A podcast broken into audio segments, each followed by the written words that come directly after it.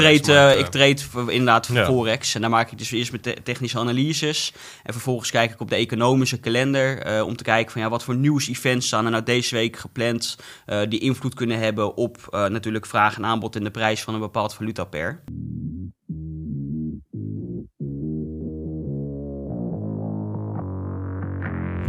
Welkom bij de FX Minds Trading Podcast. De afgelopen jaren hebben wij als individuele traders onze dromen waar kunnen maken. En sinds 2018 proberen wij onze passie voor traden te delen met iedereen die een betere financiële toekomst zou willen bereiken.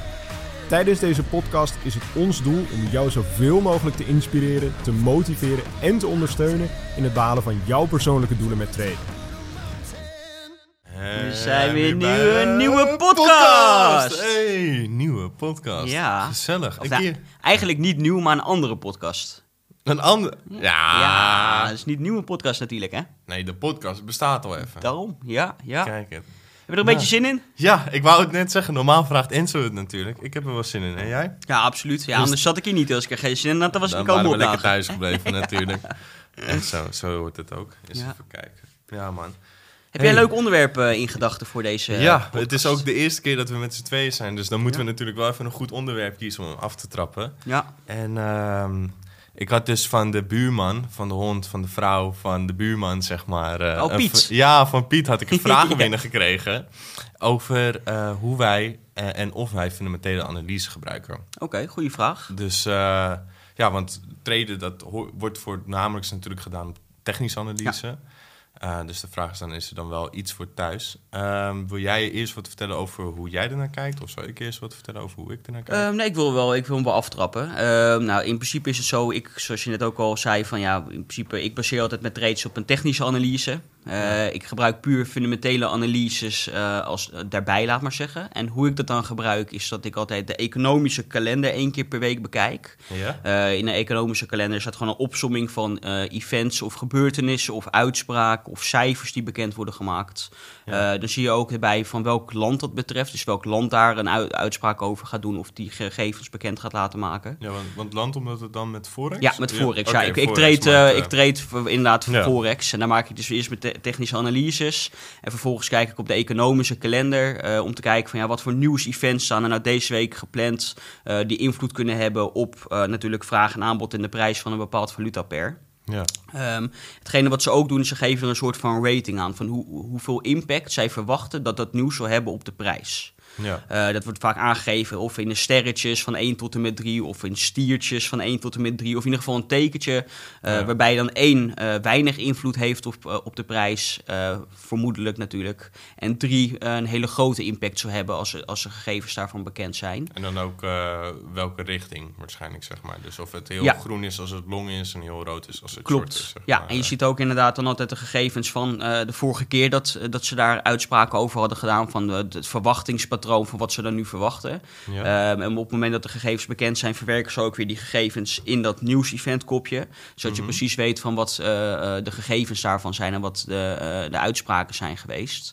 Ja. Ehm, het enige wat ik dan doe, is dat ik alles met drie sterretjes, die, die is, wat hoog impact nieuws zou kunnen zijn, Ja. ehm, zorg ik ervoor dat ik die dag geen nieuwe trade open op dat betreffende pair.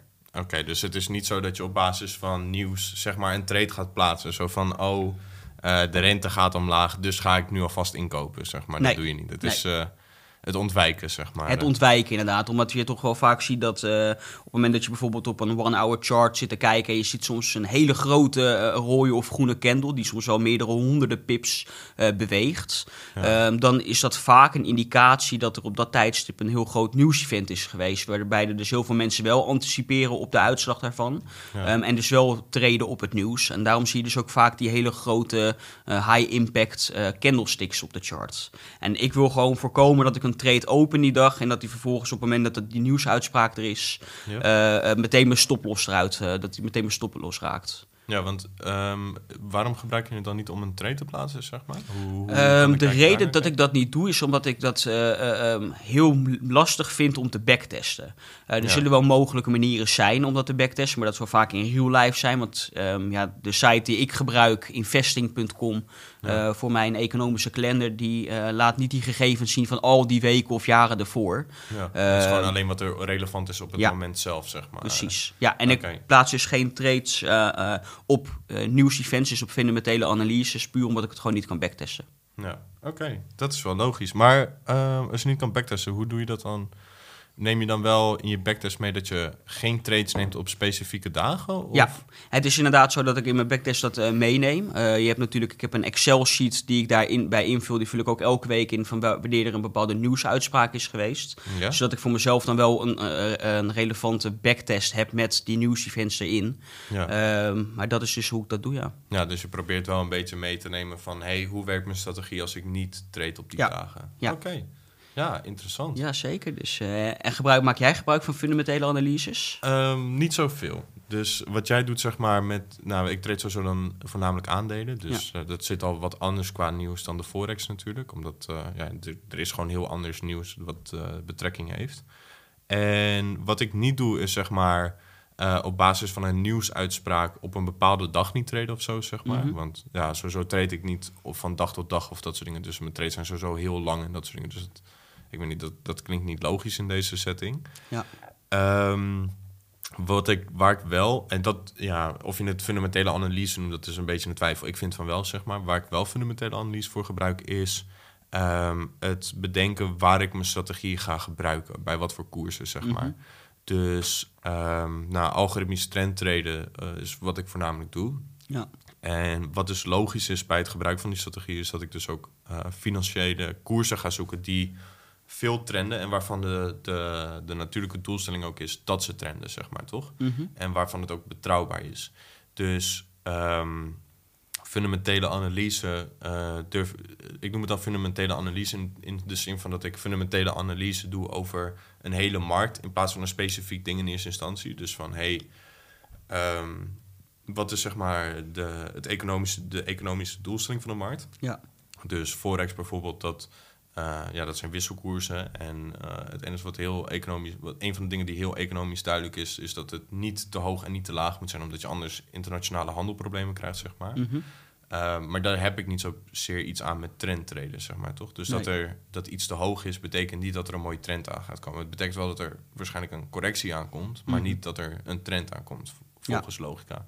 En ehm, aandelen bijvoorbeeld, die, eh, eh, de doelstelling van een bedrijf, nou, dat ze, naast dat ze natuurlijk maatschap- maatschappelijke functies hebben, Dus dat ze winst maken. is dat ze winst maken en dat het interessant is voor investeerders om erin te investeren, zeg maar toch. Dus Ja. dat het bedrijf ten goede komt van de investeerders van de grote aandeelhouders en zo.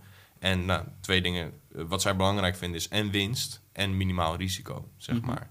Dus ehm, alle de, degene die genoeg aandelen bezitten in het bedrijf om eh, bestuur te hebben in een bedrijf, die zorgen er natuurlijk voor dat er, of is, daarvan is het natuurlijk de wens voor hun dat ze zo minimaal risico hebben en zoveel mogelijk winst, waardoor je dus automatisch op de doelstelling van trends uitkomt. Ja, Klinkt logisch. ja toch, klinkt zeg maar? logisch, Ja? zeker. Ja.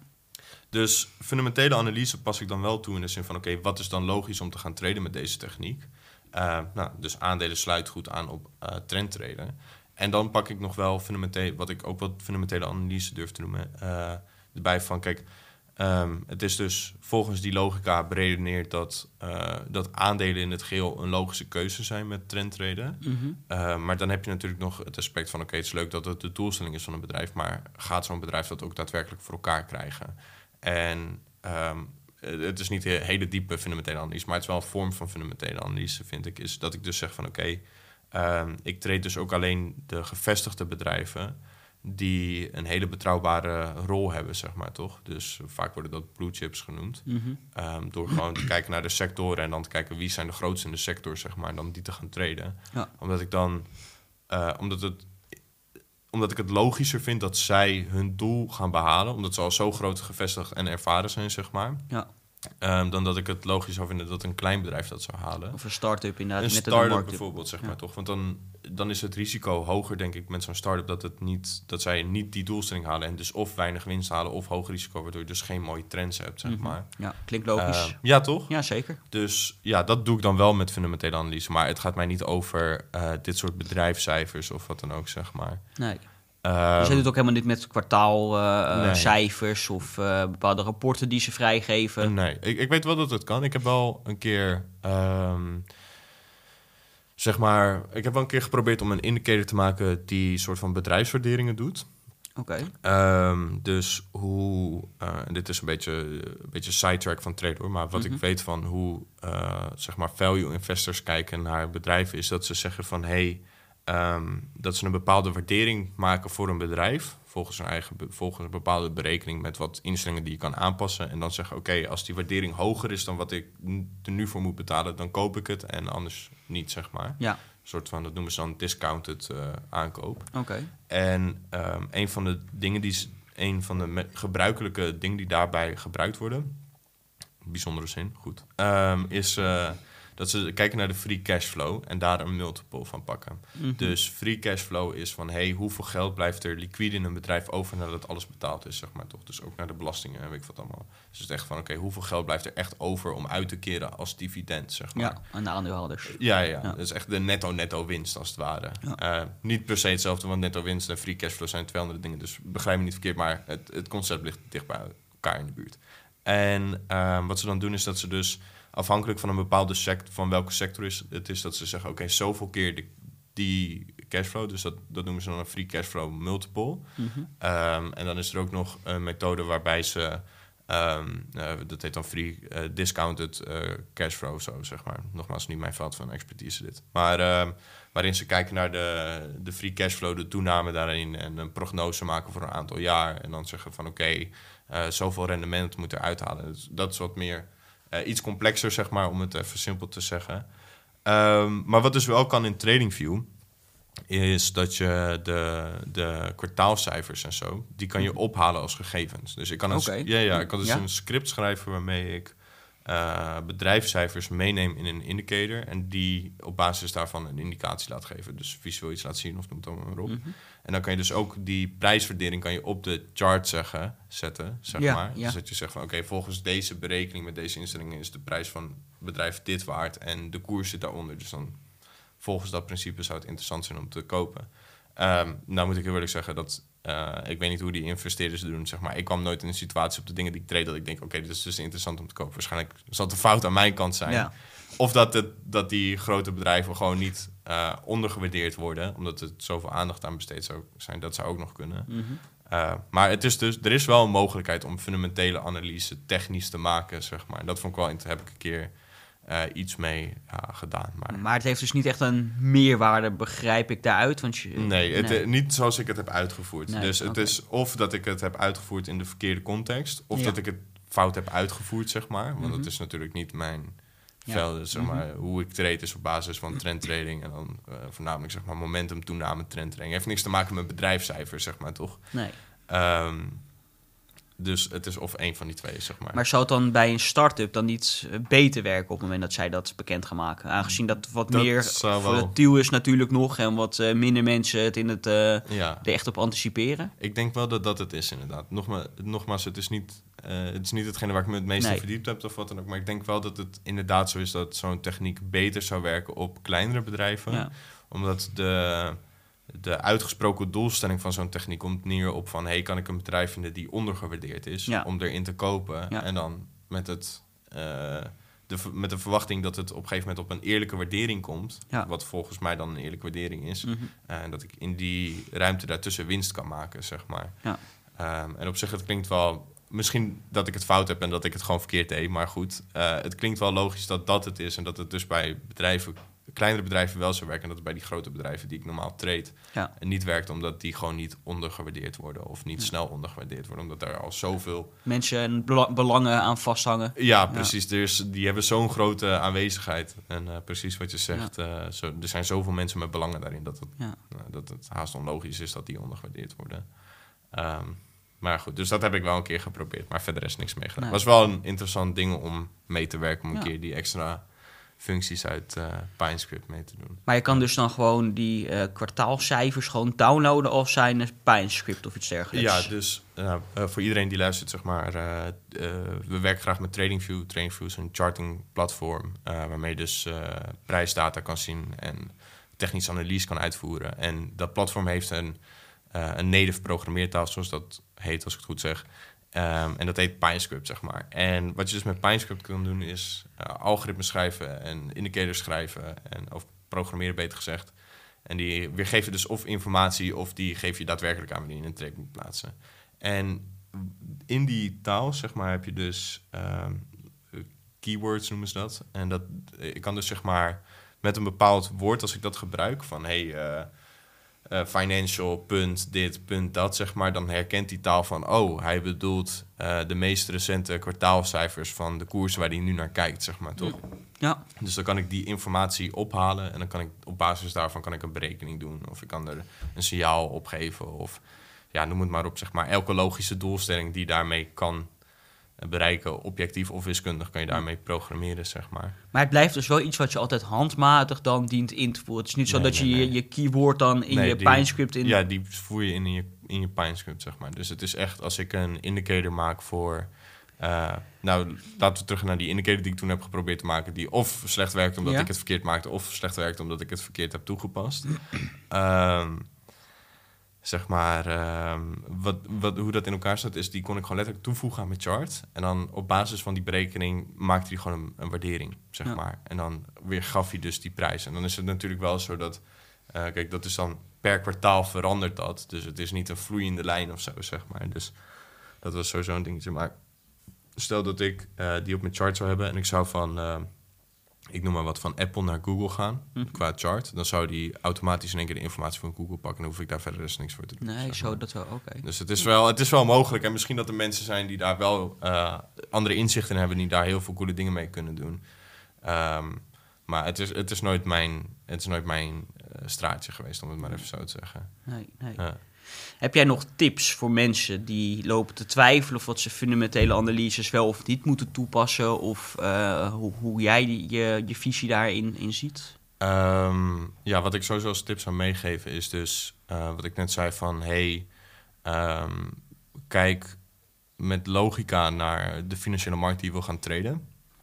Kijk naar de doelstellingen van die markt. Kijk naar het gedrag van die markt. Wat, wat, na- wat de natuur van die markt is, beter gezegd, zeg maar toch. Dus wat hoort echt bij die markt? Wat is waarschijnlijk wat is logisch? Wat, is, Mhm. wat zijn de doelstellingen?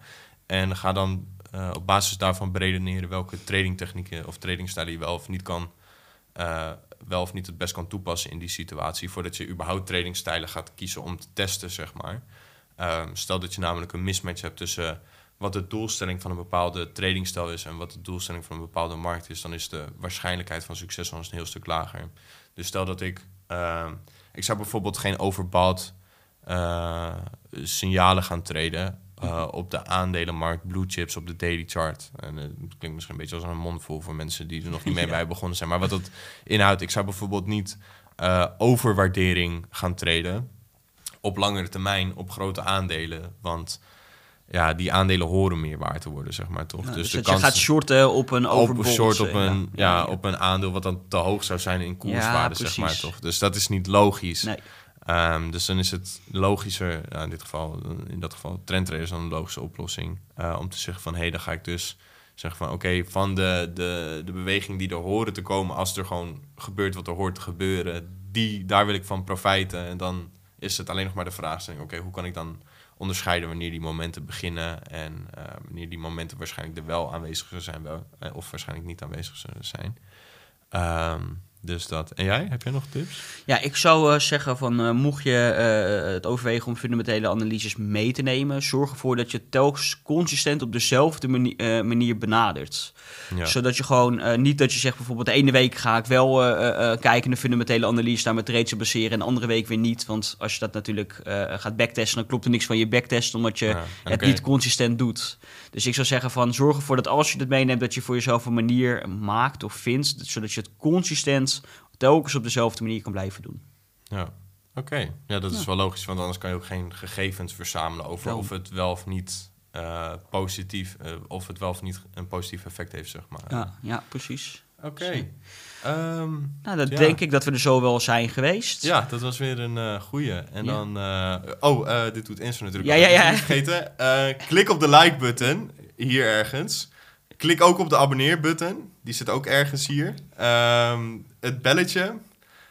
Vergeet ik dingen? Nee, dat was hem volgens mij wel zo, toch? Ja, klik op alles. Like, abonneer. Hartstikke fantastisch. Hoef je dit allemaal niet te missen. Dat is echt gewoon doen. En dan, eh, dan zeggen we natuurlijk elke keer Tot ziens! tot ziens. En tot de volgende keer. Ja, ja, ja, ja, ja. Hey. Bedankt voor het kijken of luisteren naar de FX Minds Trading Podcast. We hopen dat deze podcast jou heeft geïnspireerd, gemotiveerd en ondersteund bij het behalen van jouw persoonlijke doelen. Wil je meer te weten komen over trading en het handelen op de financiële markten? Abonneer je dan nu op ons YouTube-kanaal of volg de FX Minds Trading Podcast in jouw favoriete podcast-app. Altijd op de hoogte te blijven van de nieuwe FX Minds podcasts. En zou je FX Minds graag willen helpen? Geef deze podcast dan een like of laat een review achter op Google of in jouw favoriete podcast-app. Zo zorgen we er samen voor dat meer mensen deze podcast ontdekken. En heb je interesse om Forex te leren traden? Neem dan een kijkje op fxminds.nl en meld je aan voor het lidmaatschap. Of download ons gratis e-book. En hopelijk zien we je weer bij de volgende Trading Podcast.